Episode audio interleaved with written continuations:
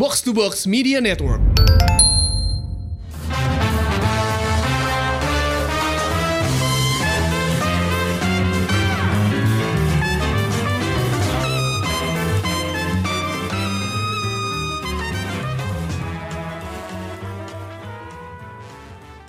Halo halo, selamat datang di Showbox Podcast dengan gue Lisa. Dan gue Amy.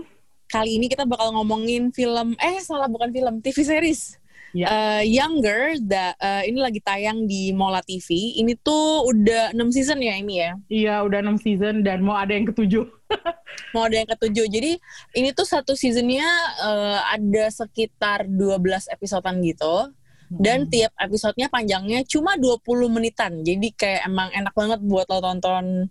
Eh, gue sih nonton ini cepet banget ya. Gue nonton, gue tuh nontonnya ngebalap 6 season tuh lima harian gitu deh kayak lima lima lima harian iya dari weekend. Terus cepet banget karena emang eh, bisa dilakukan bisa kayak, kayak cuma 20 20 menit gitu. Dan ceritanya tentang eh, seorang ibu rumah tangga nih usianya 40 tahun di New Jersey yang eh, bercerai karena suaminya punya masalah dengan judi. Terus akhirnya mereka juga jadi eh, bercerai gitu kan. Jadi dia single mom dia berusaha nyari kerjaan biar bisa bertahan hidup dan dia nggak dapat kerjaan karena susah banget dan dia udah nganggur sekitar belasan tahun gitu Terus eh, ceritanya dia pura-pura jadi milenial yang usianya 20 tahun supaya bisa dapat kerjaan. Nah, itu tuh menarik banget premisnya.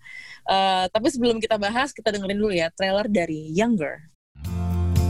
How is it that the older and more experienced you are, the less desirable you become?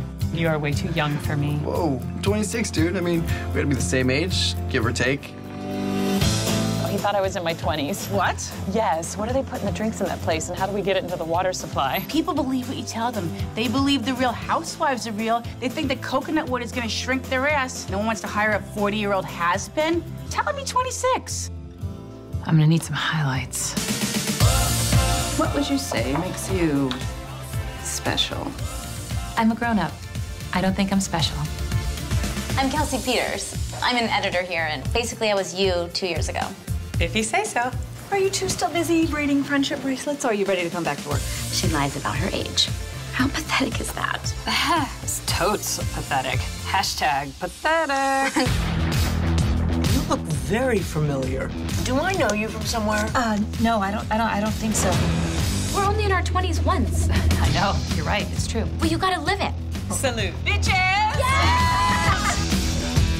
You're so busy living your fabulous new 26 year old life. Tired all the time. I'm either out partying or having sex and Cover yourself, woman. Breasts aren't shameful. Hey, hashtag Tablets Tuesday, hashtag lunch with the girls. And I don't think she means us. I am on Twitter and nothing is twittering. You forgot the hashtag. When we get home, the only thing that I want to work on He's a tattoo artist. All he does is live at skin all day. Taut young skin. I need you to look at my body and be brutally honest. Oh my God! What? That bush. It looks like my mother's vagina. Nah, itu dia tadi trailer dari Younger. Ini tuh udah ada dari tahun 2015 ya, seriesnya gitu. Dan tahun ini memasuki season ke-6 ya, ini ya. Mm-mm. Nah, ini tuh dibuat oleh Darren Star. Jadi kalau lo fam- lo familiar ma- fa- familiar nggak dengan Darren Star? Kalau gue eh, pernah denger namanya, tapi gue nggak pernah nonton karya-karyanya. Hmm, gue suka banget dengan eh, berbagai project yang ter- yang dia terlibat gitu ya. Jadi eh, jadi tuh dia terkenal banget karena Beverly Hills kan, Nine, Hmm. eh, 90210 gitu ya. Ini tahun 90-an. Eh, dulu gue masih kecil banget dan gak boleh nonton kan. Jadi nontonnya waktu udah umur berapa gitu ya. Udah udah ngerti Sex and the City gitu-gitu loh. Udah ngerti yang eh, kayak series-series yang dewasa-dewasa gitu. Terus tapi emang itu tuh kerasa jadul banget sih Beverly Hills ini. Jadi kayak wow, kayak susah relate nih susah gitu. Cuman uh, I remember the show being very uh, glam gitu kan dan dan sisi glamorous ini kan selalu ada di project-project Darren Star. Jadi selain Beverly Hills, selain Sex and the City, dia tuh juga bikin uh, Melrose Place. Jadi mungkin dia eksekutif produser gitu di di Melrose Place gitu.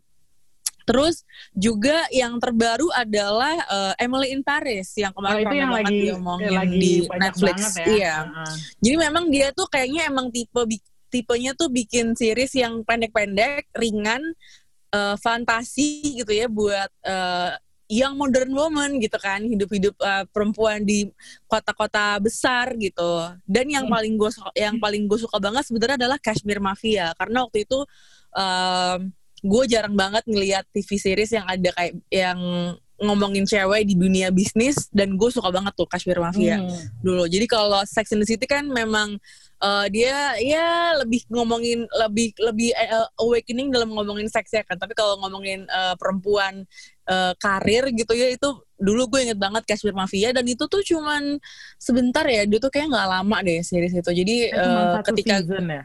Iya, jadi ketika gue nonton Younger ini gue nggak wah ini sih ini menarik banget dan uh, belum lagi ini ngomongin di dunia publishing. Nah, Emmy ah, ini iya. dulu pernah kerja di sebuah toko buku ya. Terserah iya. dia lo mau sebut apa enggak, cuman mungkin lo bisa uh, cerita tuh apakah kira-kira kehidupannya ya tentu saja mungkin nggak seglamorous yang digambarkan di Younger, tapi uh, apakah emang seasik itu gitu? Boleh cerita deh Emmy.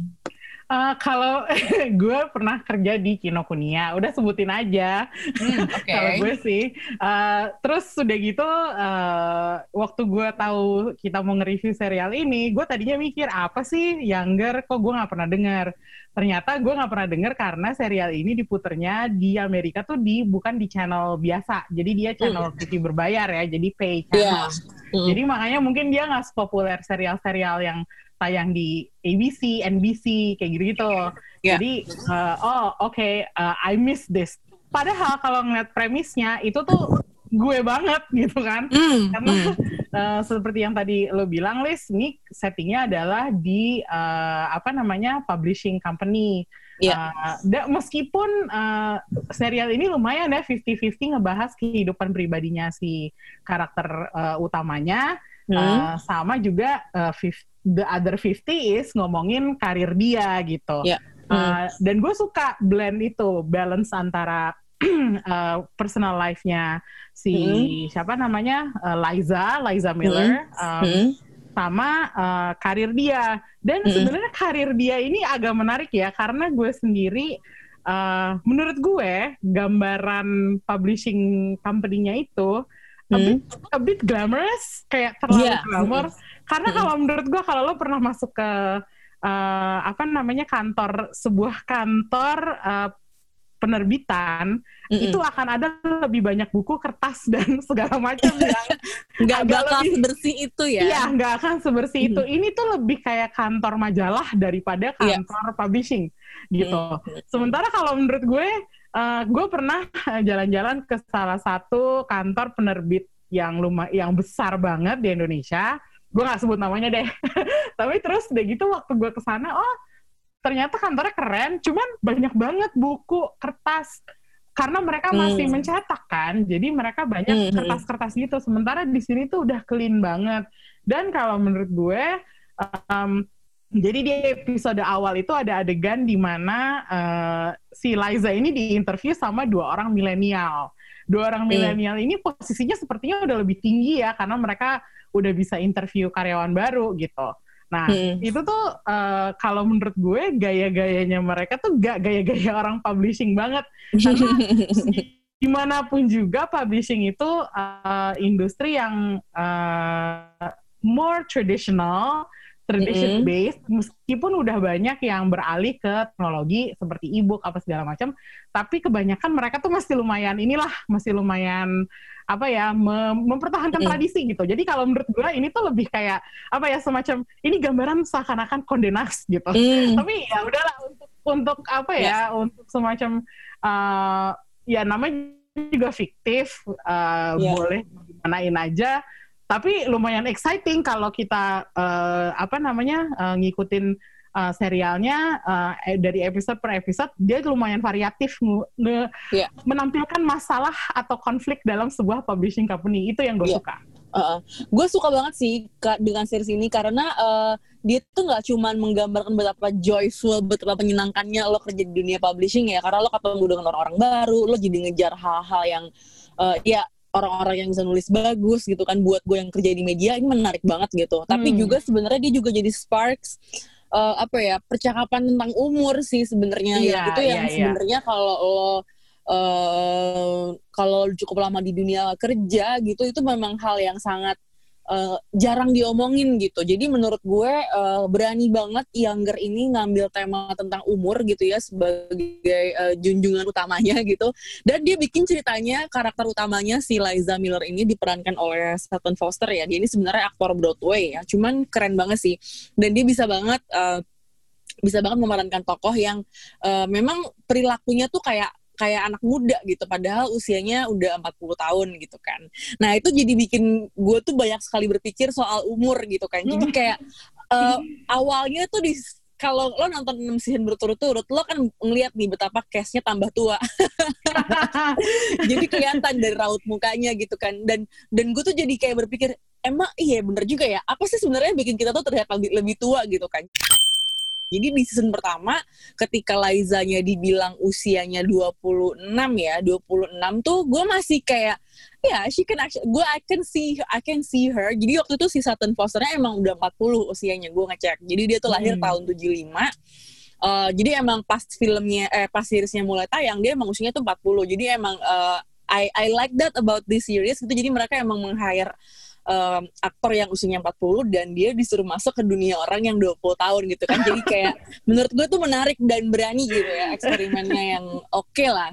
Gue agak sedih juga nih, gue nggak gue nggak sempet nggak pernah nonton film series ini sebelumnya gitu kan. Padahal dia udah enam udah enam series gitu. Jadi thanks banget nih Mola ada ada ini di Mola, gue suka banget. Uh, nah tapi terus yang menarik juga dia nggak cuma dapat kerja karena pura-pura jadi usia lebih muda ya, tapi dia juga akhirnya mendapatkan uh, pacar gitu kan. Uh, dan dan dan teman-teman yang yang tadinya gue agak skeptis aduh ini nyambung kayaknya susah deh nyambungin orang yang usianya 40 terus dipaksa jadi 20 tahun lah. And especially she's a mom gitu kan of all things. Tuh kayak lo ngebayang gak sih ibu-ibu gitu uh, usia 40 dipaksa untuk ke dunia orang tuh milenial gitu kan. Padahal dia tuh Gen X lah itu hitungannya Gen X gitu kan. Hmm. itu kayak aduh ini awkward. Gue tuh kayak ngeri banget cringe. Karena waktu di season season awal gue masih ngerasa kayak aduh ini tuh kayak so many apa ya jokes about millennials. Terus kayak uh, agak-agak ya gitu deh kayak kerasa banget ini yang bikin seriesnya emang udah lebih tua dari kita gitu loh. Jadi kayak uh, oke okay, gitu. Tapi lama kelamaan gue jadi ngerasa ini, ini sebenarnya series yang bisa banget uh, ngajak kita buat ngomongin hal-hal penting kayak corporate ageism gitu kan. Karena itu emang yang jarang kita omongin kan. Dan dan gue suka banget ketika dia itu dihadapkan kedua karakter cowok antara Josh sama Charles. Yang bedanya tuh ya ya orang yang dua yang masih muda banget nih yang dua dua puluhan sama yang empat puluhan gitu kan. Jadi hmm. kayak wah gue nggak pernah ngeliat TV series yang bisa menghadirkan karakter-karakter dengan usianya tuh beda gitu ya. Jadi kalau selama ini kita ngelihat TV series atau kita ngelihat film itu kan banyak banget tokoh utamanya itu muda gitu kan. Jarang mm -hmm. lo ngelihat uh, cerita itu tentang orang yang uh, lebih tua tapi ceritanya tuh ringan gitu. Biasanya kalau udah lebih tua tuh udah surem ya kan? Udah gelap gitu banyak banget kayak masalahnya gitu kan. Nah di sini tuh ini tuh light dan ringan aja gitu loh. Jadi menurut gue ini pas banget buat orang umur 20, umur 30, 40 juga masuk gitu karena dunianya tuh realistis banget. Emang ini yang emang orang hadapin sekarang gitu loh kayak lo terus-terusan dijejelin sama konsep milenial as in like a buzzword gitu kan. Jadi kayak ah gila nih emang lo dipaksa banget berubah dan uh, quick thinking untuk bisa beradaptasi gitu sih kalau gue. Iya sih. Kalau itu gue, gue sebagai orang yang approaching 40, gue agak-agak kesentil juga sih sama hmm. uh, apa namanya bahasan tentang ageism yang ada di di serial ini gitu. Terutama hmm. karena gue udah kerja dari tahun 2004. Jadi gue yeah. sekarang udah menjadi part of the workforce more than 15 years gitu. Dan mm, okay. uh, jadi kayak apa ya masalah-masalah uh, masalah -masalah yang dihadapin sama Liza itu hmm. nggak hmm. asing buat gue gitu. Hmm. Tapi on the other hand, karena dia harus bertingkah sebagai uh, first first jobber gitu, gue hmm. jadi ngerasa bahwa serial ini bakalan relevan juga buat an apa anak-anak muda yang fresh grad gitu kalau mau nonton itu mereka pasti bisa masih bisa ngerti gitu. Mm. Apalagi ada sisi temen jadi sahabatnya si Liza di sini kan yang diperanin sama uh, Hilary Duff itu yeah. si Kelsey, dia kan Kelsey lumayan Peters ya. Iya, Kelsey Peters terus dia punya temen yang namanya Lauren yang yang gila juga gitu. Maksudnya Mm-mm. dua orang ini tuh representatifnya eh, representatifnya dari sisi milenial itu yang tadi Iya. lo bilang dan mereka cukup apa ya, cukup entertaining Iya. dan kalau menurut gue nggak terlalu obnoxious gitu.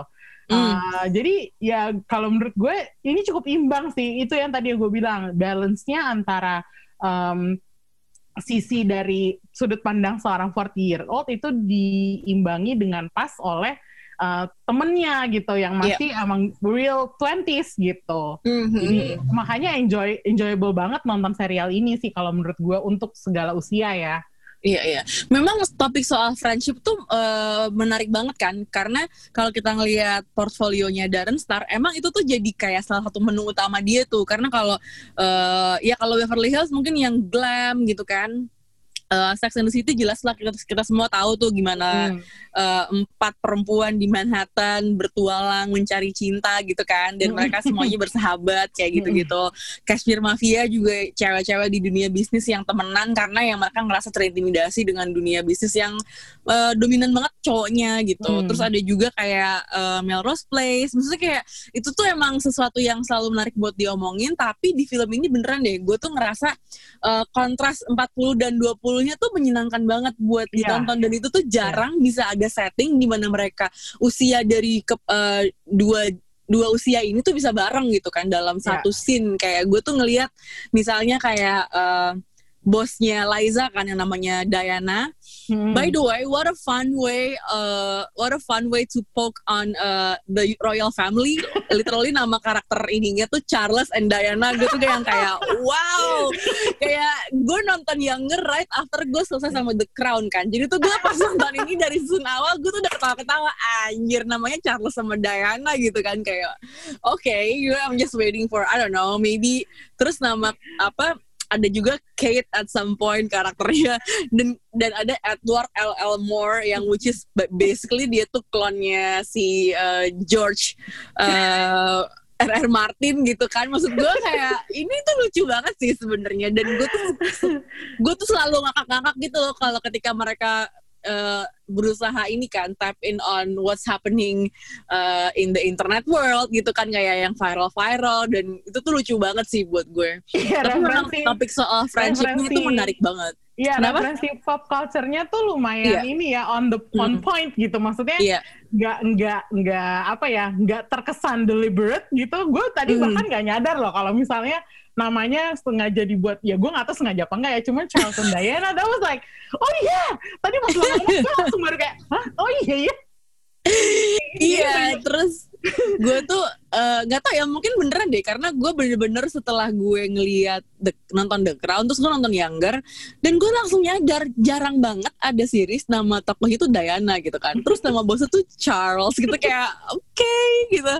Eh, terus ada tuh di season ada di, di season berapa ya? Gue agak lupa. Kayak tapi di awal-awal tuh season sekitar 2 atau tiga gitu mereka emang sempat nyebut-nyebut eh, soal The Crown. Jadi kayak karakternya tuh nonton jadi kayak lagi sedih gitu no, eh, pelukan bareng apa terus kayak selonjoran di sofa ayo ayo kita nonton The Crown gitu. Jadi I know that's actually deliberate attempt to you know untuk bercanda-bercanda soal royal family gitu kan. Kayak oh lucu juga sih untuk kayak karakter kita namanya siapa ya? Lo bisa bayangin tuh di ruang meetingnya di ruang meetingnya penulis-penulis younger yang kayak let's just pick Charles and Diana. Itu lucu banget gitu.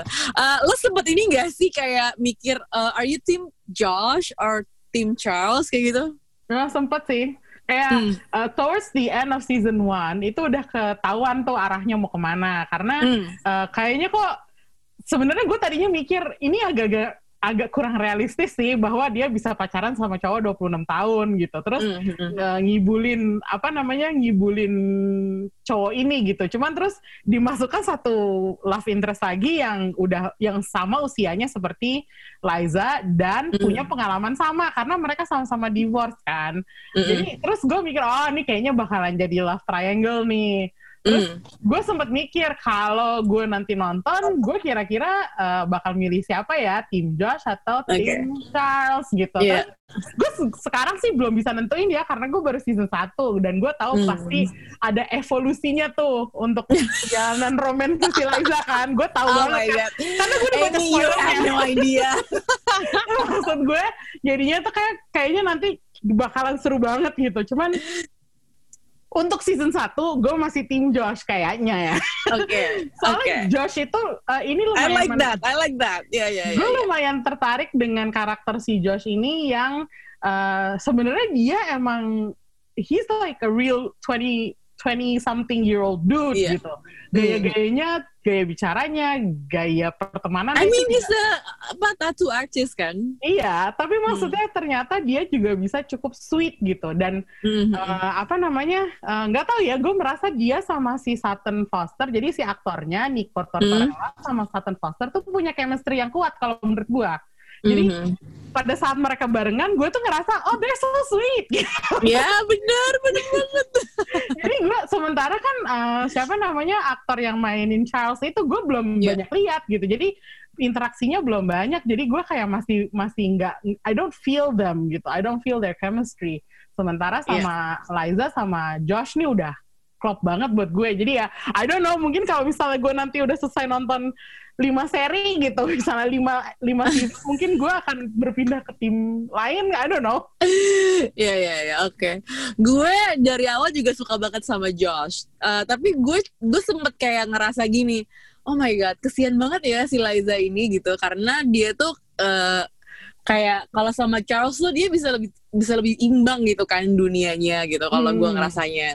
Cuman later in the seasons kalau nanti nonton, Charles did something that is a very dick move menurut gue dengan mukanya yang kayak senyum gentleman-nya itu. Tapi itu it's such a dick move menurut gue sampai gue ada apa yang kayak oke Charles bye.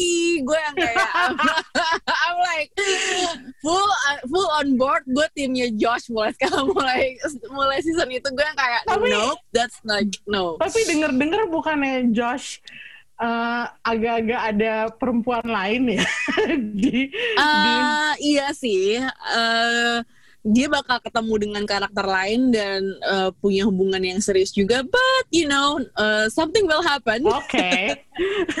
something will happen. Dan gue nggak tahu sih karena di season 6 ini literally gue tinggal dua episode lagi. Jadi Oh. kayak ini kayak I'm gonna watch it tonight. I think.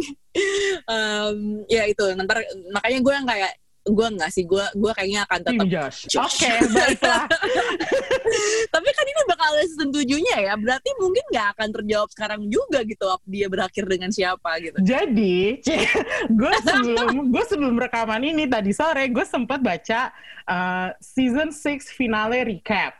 Oke. Gue nggak ngerti apa yang terjadi, gue bacanya, tapi uh, overall impression yang gue dapat dari recap tersebut adalah mereka memang kesel karena tidak ada jawaban. I, I don't what they're but talking seriously, about, ya, tapi pokoknya kayak kalau lo nonton season 6 lo akan kayak no Charles that's a big no gitu loh kayak enggak, enggak sih enggak. As a Oke, woman kayak sebagai orang yang berkarir di dunia media gitu ya I think that's kinda like ya enggak sih unethical aja gitu what he did in that uh, in the sixth season tuh kayak enggak enggak enggak Oke, kayaknya gue gue masih jauh nih. Gue gue rencananya list bakalan Iya. nonton uh, Younger sebagai selingan gue kalau uh, lagi capek kerja. Soalnya wah iya banget episode pendek, terus yes entertaining kan. Jadi gue bisa benar 20 benar menit, setuju 20 Ya. menit selingan Mm-mm. ketawa-ketawa, abis itu kerja lagi. Iya, iya. Itu deh pembahasan kita ya soal Younger. Jadi kalau lo butuh se- apa tontonan yang singkat-singkat, menyenangkan, light, menghibur, nggak terlalu set bikin lo stres gitu kan, nggak ada horor-hororan, nggak ada eh, drama-drama yang terlalu twisted. Kadang-kadang lo kalau nonton drama misalnya kayak court drama, crime drama itu kan kayak terlalu, aduh, ah, gimana gimana tunggu tunggu. Iya, tunggu, gitu iya, kan. iya. Kayaknya kalau lo uh, udah capek kerja terus masih dicoba untuk cerita-cerita yang kayak gitu kayaknya agak-agak harus tunggu tunggu benar-benar gitu kan. Nah, tapi yang ini oke sih, yang ini men- menyenangkan banget. Em, dan eh, karakter-karakternya tuh menarik semuanya gitu loh. Ya, kalau menurut gue karakter-karakter yang eh, ditampilkan tuh emang unik banget ya. The lesbian best friend, terus ada anaknya kan, anaknya si Liza yang juga tiba-tiba balik Oh, dari it's so sweet. Ya. iya, tapi I think she's gonna come back and she's gonna throw her mother off her track for a bit. Iya, iya, iya. Iya, jadi kayak itu yang gue tunggu-tunggu sih anaknya balik sih dari India. Iya, iya, iya. Anaknya balik kok dari India. Oke. Anaknya balik dari India. Oke, itu dia tadi review kita soal Younger. Em, jangan lupa nonton di Mola TV. Lagi-lagi gue ingetin kalau lo mau nonton di Mola TV, lo bisa langganan. Paketnya banyak, ada 6 jenis paket. Kalau lo suka nonton film-film HBO, itu ada paket tie-innya tuh antara Mola dengan HBO cuma 65 ribu gitu ya. Dan lo bisa nonton konten-konten eh, Mola dan juga film-film dan TV seriesnya koleksi HBO. Jadi kayak segera deh langganan Mola, eh, Mola TV gitu ya, bisa ditonton di aplikasi, di handphone, eh, iOS atau Android, dan juga bisa di browser di laptop. Jadi eh, gampang lah kalau mau nonton di mana-mana tuh lo bisa tinggal pilih aja device-nya mau yang mana. Oh ya, ini juga nih eh, selain eh, konten-konten olahraga, eh, film, TV series gitu kan. Kemarin di Mola Living juga ada wawancara nih Emmy. Oh iya. Iya, Wah. sama sutradara Darren Aronofsky. Oh jadi yang si Darren Aronofsky itu kemarin kalau nggak salah dipandu sama Timo Cahyanto ya? Mm-mm. Jadi Timo Cahyanto tuh eh, wawancara. Eh, kayaknya kalau ngeliat eh, muka-mukanya Timo agak-agak grogi juga wawancara Darren Aronofsky. Nggak, nggak, nggak. Kan sama-sama sutradara handal ya. Jadi eh, nggak ada tuh rasa-rasa rasa-rasa sungkan atau apa gitu. Eh tapi kalau nggak salah kita bisa ngirim pertanyaan juga kan kemarin. Betul. Itu dibacain ya sama Timo ya? Mhm, mhm. Dan nextnya, eh, jadi tuh selain dap- em, dapetin Darren Aronofsky, ntar juga bakal ada nih wawancara bareng sama Spike Lee. Oh, Spike Lee itu lebih menarik Hmm. lagi sih kalau menurut gue. Iya, I mean, Spike with all due respect to Darren Aronofsky, kayaknya kalau gue lebih suka sama Spike Lee sih sebagai sutradara Hmm. ya, karena film-filmnya lebih selera gue aja. Iya. Jadi Spike Lee ini bakal ada di tanggal 4 ya, tanggal 4 Desember. Hmm. Mm-mm. Jadi eh, kalau misalnya lo mau nungguin, menarik juga tuh ditonton nanti. Hmm. Gitu. Oke, pokoknya nonton aja di Mola TV live barengan sama Spike Lee tanggal 4 Desember itu di Mola Living ya. Ini Mola Living live eh, kemarin udah sama Darren Aronofsky dan soon sama Spike Lee. Itu dulu kali ya bahas hari kali ini ya. Oke. Oke, thank you banget udah dengerin Showbox kali ini. Sampai jumpa minggu depan. Kita bakal ngebahas The First, tapi mungkin juga ngebahas yang lain. Jadi tungguin aja.